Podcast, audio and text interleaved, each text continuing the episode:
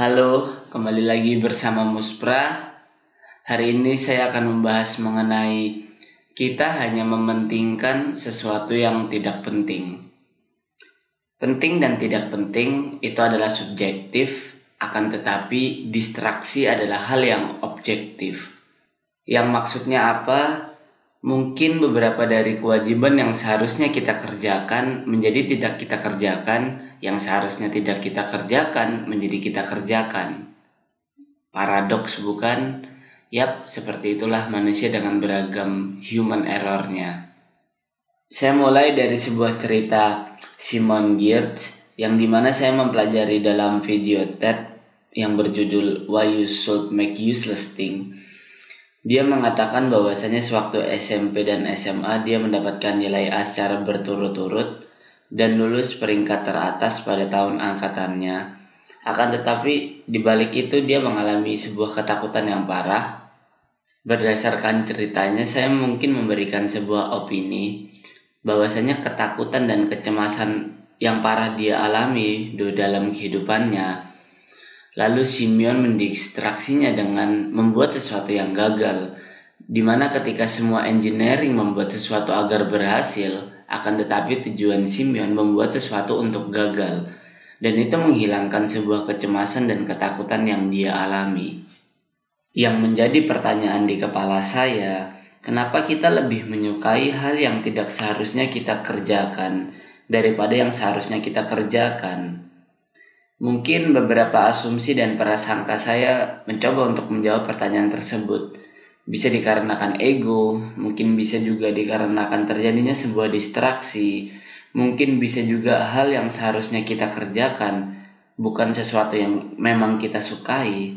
Akan tetapi, tiga perbedaan tersebut berasalkan dari prasangka dan asumsi yang berada di kepala saya, dan pernah menjadi sebuah pengalaman saya yang kemungkinan salah akan tetapi kemungkinan juga benar. Semua hanya kemungkinan karena kita bermain di prasangka dan dalam skrup mikro yang sangat kecil. Ego menjadi awalan dari semuanya karena berkaitan dengan emosi seseorang bersifat pribadi, tentu berada di dalam diri kita. Lalu distraksi yang menurut saya keluar dan masuk dalam artian terkadang datang dari luar, akan tetapi terkadang berasal dari kita atau di dalam diri kita pribadi. Terakhir, bukan sesuatu yang kita sukai, mungkin berhubungan dengan ego, akan tetapi perbedaannya bahwasanya ego terdapat sebuah pilihan, bukan sesuatu yang kita sukai, termasuk sebuah keterpaksaan, atau kita sendiri yang menginginkan berada di dalamnya. Ketiga kategori tersebut saya dapatkan sewaktu saya mengerjakan skripsi. Beragam kompleksitas ego yang saya masukkan, beragam distraksi, dan secara pribadi bukan sesuatu yang saya sukai. Dikarenakan saya baru menyadari bahwasannya jika kita mengamini sebuah ego dalam sesuatu yang kita kerjakan, hasil yang kita inginkan bisa saja meleset sangat jauh dan kita harus siap dengan hal tersebut. Dalam artian, saya banyak belajar tidak pernah menempatkan sebuah nilai tertinggi, dan ego selalu bertentangan dengan hal itu. Ego menjadi dalam diri saya seperti kanker, yang di mana dalam kasus skripsi, ketika saya menempatkan sebuah ego dalam pengerjaan skripsi, saya tidak siap untuk mendengar sebuah hasil, dikarenakan sebuah ketakutan dan kecemasan apabila itu tidak worth it. Akan tetapi semua tetap berlanjut, sebelumnya buat saya sebagai sebuah pembelajaran, sesudahnya apa yang bisa saya petik, karena semua hanya penerimaan yang bisa menghilangkan beragam kompleksitas yang terjadi dalam otak saya. Semua bermula dari ego, menghasilkan ketidaksukaan dalam mengerjakan, hingga saya mencoba beragam distraksi untuk keluar dari pengerjaan skripsi yang secara sebentar atau sementara dalam anggapan saya Ketika saya memulai untuk mencari sebuah judul skripsi yang berarti posisi saya mengerjakan proposal skripsi, lalu saya memutuskan untuk istirahat sebentar atau bisa dikatakan cuti dalam satu semester lebih mungkin.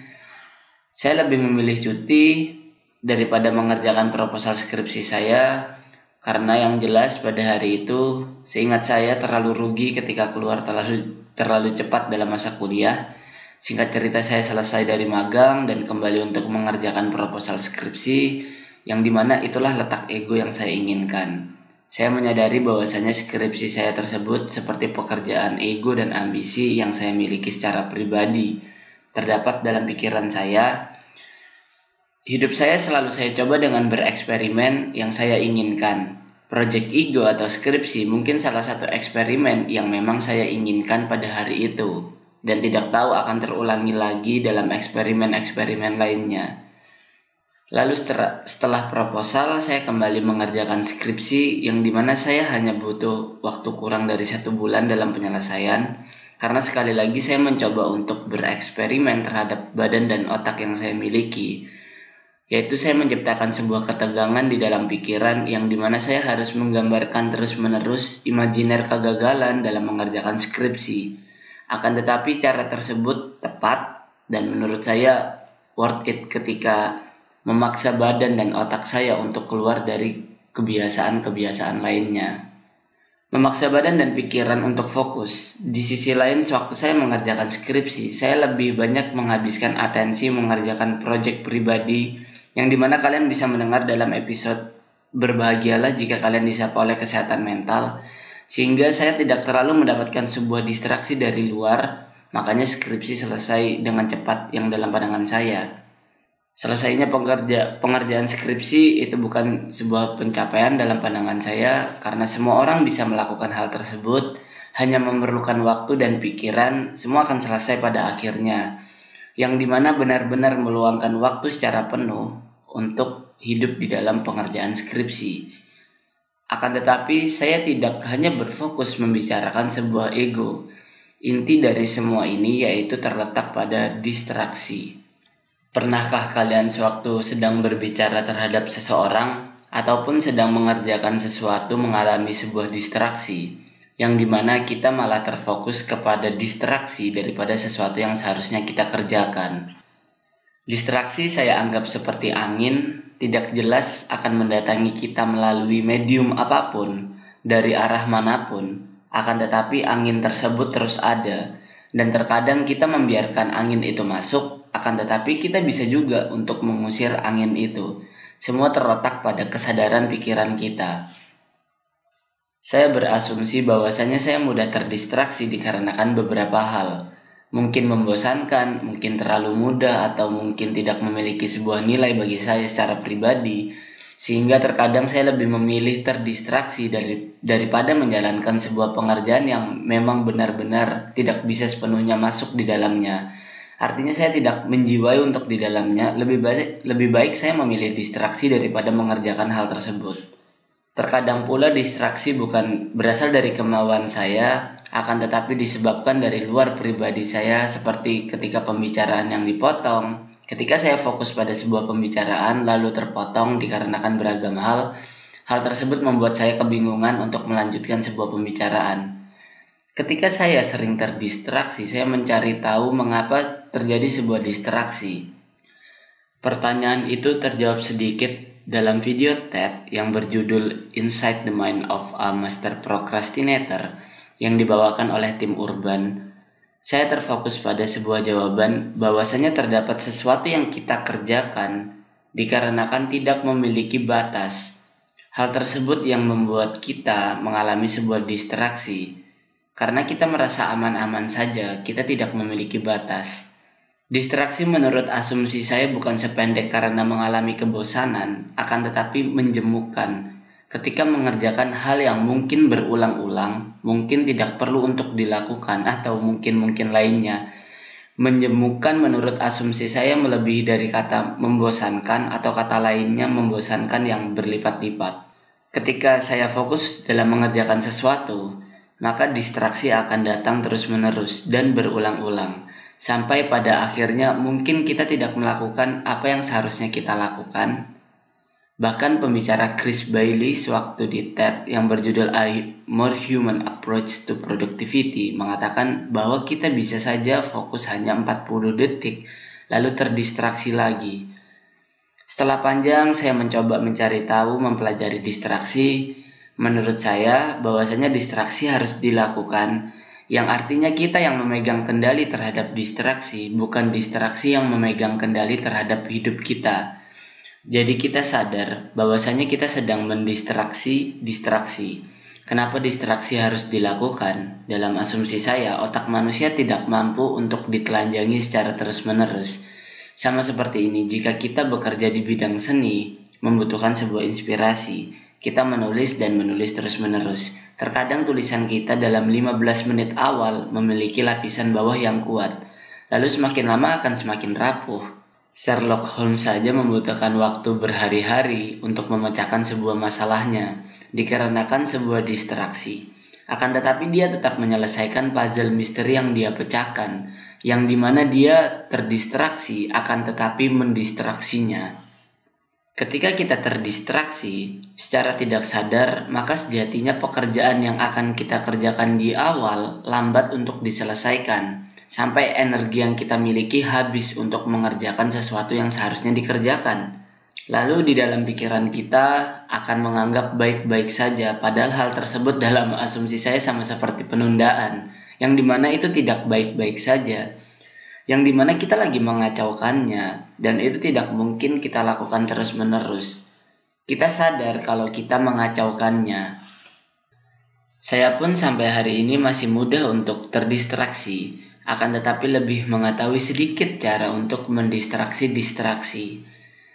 Beberapa yang saya temukan dari beberapa resume, yang pertama yaitu menciptakan sebuah lingkungan yang di mana kita merasakan bisa aman dari sebuah distraksi yang akan mendatangi kita.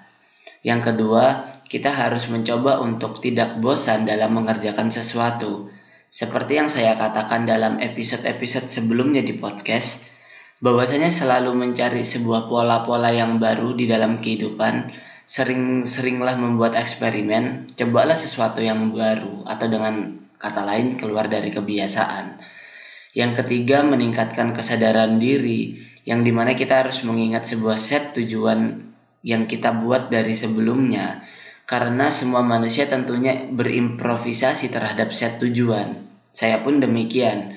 Akan tetapi menurut saya secara pribadi selama set tujuan itu tidak terlalu terevaporasi, maka menurut saya tidak masalah. Sehingga ketiga hal tersebut saya bisa menjelaskan yang di mana dalam contoh kasus mengerjakan sebuah skripsi. Mungkin seperti ini, kita harus berkompromi dengan pikiran terlebih dahulu. Saya ambil sebuah contoh mengenai pengerjaan skripsi, mengerjakan sesuatu yang sifatnya panjang. Beberapa orang bilang itu hal yang mudah, beberapa orang bilang itu hal yang sulit. Jelas selalu terdapat dua argumen di dalam sebuah kehidupan. Ketika mengerjakan skripsi dalam jangka waktu yang panjang, Beberapa orang mungkin menyepelekan, mungkin tidak terlalu memperdulikan karena tidak ada batasan waktu. Beberapa orang terlalu intens, beberapa orang setengah intens akan tetapi tidak menyepelekan. Saya lebih memilih untuk setengah intens akan tetapi tidak menyepelekan. Karena bahwasannya saya masih memegang kendali di dalam pekerjaan skripsi itu. Saya masih memiliki nilai yang saya anggap sehingga ketika pengerjaan skripsi, saya masih mengerjakan, akan tetapi saya mengerjakan hal yang lainnya juga. Yang pada intinya, saya masih mengerjakan yang seharusnya dikerjakan, dan saya mengerjakan yang seharusnya tidak dikerjakan. Di dalam skripsi tersebut tentu ada waktu yang seakan-akan tidak memiliki batas. Di situlah menurut saya perlunya mendistraksi-distraksi ketika saya mengerjakan yang seharusnya tidak dikerjakan melebihi sebuah batas dari waktu yang saya tentukan, maka saya harus cepat-cepat keluar dari lubang tersebut. Semisal saya sedang menonton serial TV, maka akan saya cepat matikan dan menggantikannya dengan mandi agar serial TV tersebut tidak lanjut. Intinya terdapat pada otak kita bagaimana cara untuk mendistraksi-distraksi tersebut. Atau gambarannya seperti ini jika kalian sedang mengerjakan sesuatu, anggap saja membuat skrip untuk menulis film. Lalu beberapa saat sewaktu dalam pengerjaan mencari sebuah sumber, pandangan kalian teralihkan untuk menonton film. Cobalah untuk pelan-pelan membohongi pikiran kalian, yang di mana kata Mark Manson, oke sebentar kita nonton, lalu kita kembali lagi untuk mengerjakan skrip film kita.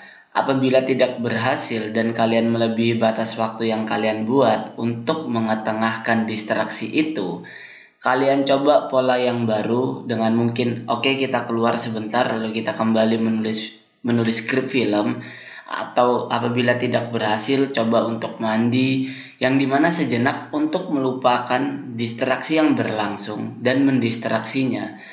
Jika tidak berhasil, lakukan sebuah pola-pola yang baru dan itu secara pelan-pelan dilakukan.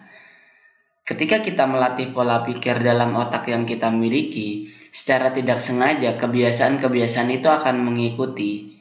Otak kita perlu mengangkat sebuah beban agar menjadi ringan, yang di mana kita harus lebih menguasai otak daripada otak kita menguasai kita. Sampai hari ini saya masih mencoba untuk melatih hal tersebut, Terkadang pula sebuah distraksi pun memberikan pola jalan pikiran yang baru, membuat kreativitas-kreativitas bermunculan. Jika kalian penulis sambil menonton film, maka secara sadar ataupun tidak, mungkin gaya penulisan kalian akan mengikuti sedikit seperti film yang sedang kalian tonton. Sehingga dalam asumsi saya, jika kita bisa mengolah distraksi menjadi sebuah pola pikiran yang baru, bisa kita terapkan dalam medium yang sedang kita kerjakan, maka mungkin saja bisa menjadi berguna. Jika terdengar mudah, mungkin karena menurut asumsi saya tidak semua orang memiliki kepekaan tersebut. Tidak tidak semua orang mau mendistraksi distraksinya karena seperti itulah wujud dari kenyamanan. Manusia memiliki umur yang tidak abadi. Jam berapapun, menit berapapun, kita bisa saja mengalami kematian sehingga dalam asumsi saya terlalu susah untuk memilih sesuatu yang kita tidak suka. Waktu terus-menerus bergulir, berjalan ke depan, sehingga ketika kita lebih cerdik daripada distraksi, terlebih memanfaatkannya, maka bisa saja akan berguna. Tidak berasumsi tinggi terhadap yang sedang kita kerjakan, sehingga amor fati, sebuah penerapan konsep yang digagas oleh Stoa, menurut saya sangat berguna. Ketika kita menghiraukan sebuah distraksi, mengolah distraksi menjadi sebuah pola pikir jalan yang baru, lalu merusak sebuah distraksi yang tidak memiliki nilai. Tentunya menurut saya lebih meringankan sedikit terhadap pekerjaan yang seharusnya kita kerjakan. Maka ego pun akan mengikuti kehendak kita, bukan kita mengikuti kehendak ego.